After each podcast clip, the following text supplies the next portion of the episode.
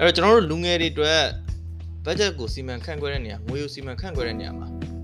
အရန်သုံးဝင်မဲ့နီးလေးတစ်ခုပေါ့နော်အဲ့ဒါကျွန်တော်နေဝေမျှပေးပါမယ်အဲ့ဒါကို50 30 technique rule လို့ခေါ်တာပေါ့နော်မြန်မာလိုဆို50 30 20နီးစနစ်ပေါ့နော်အားလေးဝေမျှပေးပါမယ်အားလုံးပဲမင်္ဂလာပါကျွန်တော်တို့မိတ်ဆွေတို့ပေါ့အောင်မြင်တိုးတက်ဖို့အတွက်အသိပညာပူးတွဲဝေမျှပေးနေတဲ့ Joanne Scap ပြေဖုံးပဲဖြစ်ပါတယ်အဲ့တော့ကျွန်တော်50 30 20 ဥပဒေတာပေါ့နော် rule ပေါ့နီးစနစ်ကဘယ်လိုမျိုးအလုပ်လုပ်တာလဲဆိုတော့ကျွန်တော်တို့ကလာကရတယ်ပဲထားအောင်ဗျာဥပမာဆိုတော့ကျွန်တော်လာက3သိန်းရတယ်ပဲထားဆိုရင်ကျွန်တော်လာကရဲ့90ရာခိုင်နှုန်းကိုကျွန်တော်တို့ကဘာလို့ဖို့လို့လဲဆိုတော့30အတွက်ကိုဖယ်လို့ရတယ်ပြီးတော့30ရာခိုင်နှုန်းကိုကျွန်တော်တို့လိုချင်တာတွေဝယ်ဖို့အတွက်เนาะဥပမာဆိုတော့အင်ဂျီတို့ဘောင်းဘီတို့ဖုန်းတို့အဲ့လိုမျိုးပေါ့เนาะဒါမှမဟုတ်ဖက်နက်တို့ အလှပြင်ပစ္စည်းတို့အဲ့လိုမျိုးဝယ်ဖို့အတွက်ကိုဖယ်ထုတ်လို့ရပြီးတော့နောက်ဆုံးကျန်တဲ့20ရာခိုင်နှုန်းကိုကျတော့ကျွန်တော်တို့ငွေစုရတာပေါ့เนาะအဲဒါပေမဲ့တကယ်တကယ်တမ်းပြန်ပြီးတော့တွေးကြည့်မယ်ဆိုရင်တော့ကျွန်တော်20 30 50လို့ပြောရင်တော့ပုံမှန်မှန်ပေါ့เนาะဘာလို့လဲဆိုတော့အဓိကငွေအရင်စုရမှာ20ရာခိုင်နှုန်းသောငွေအမောက်ကိုအရင်ဆုံးစုရမယ်ဥပမာခုနကတော့ကျွန်တော်3000ရတဲ့3သိန်းရတဲ့သူဆိုရင်သူဒီ6000ကိုကျင်းနေပေါ့စုစုရမယ်အရင်ဆုံးအဲ့ဒါကိုဖယ်ထုတ်ပြီးစုရမယ်အဲ့ဒါစုပြီးတော့မှကြံတဲ့ပတ်စံเนาะ2သိန်း4000ပေါ့เนาะပြောမှာဆို60အဲ sorry 80ရာခိုင်နှုန်းပေါ့နော်အဲ့80ရာခိုင်နှုန်းကို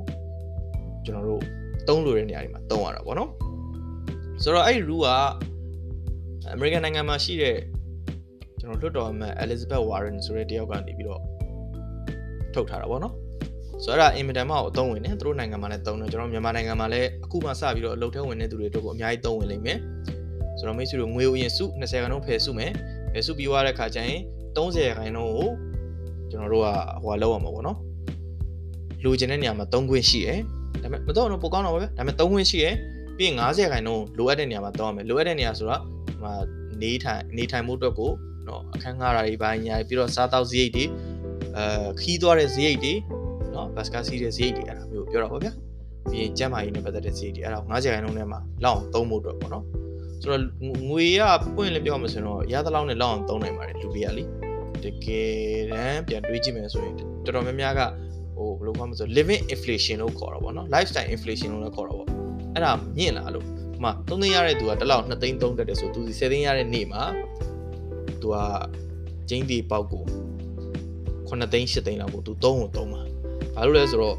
သူ့ရဲ့ပုံစံငါကိုသူကအဲ့လိုမျိုး3ဖို့အတွက်ကိုဘယ်လိုခေါ်မလဲ program လုပ်ထားသလိုဖြစ်တာပေါ့အဲ့တော့အဓိကစုငွေကိုအရင်ဆုံးဖယ်ထုတ်ပြီးတော့စုပြီးမှသာလဲကျွန်တော်တို့ကနော်ငွေ30ကိုစီစဉ်ရတာဆိုတော့ အဲ့ခုနကကျွန်တော်ပြောခဲ့တဲ့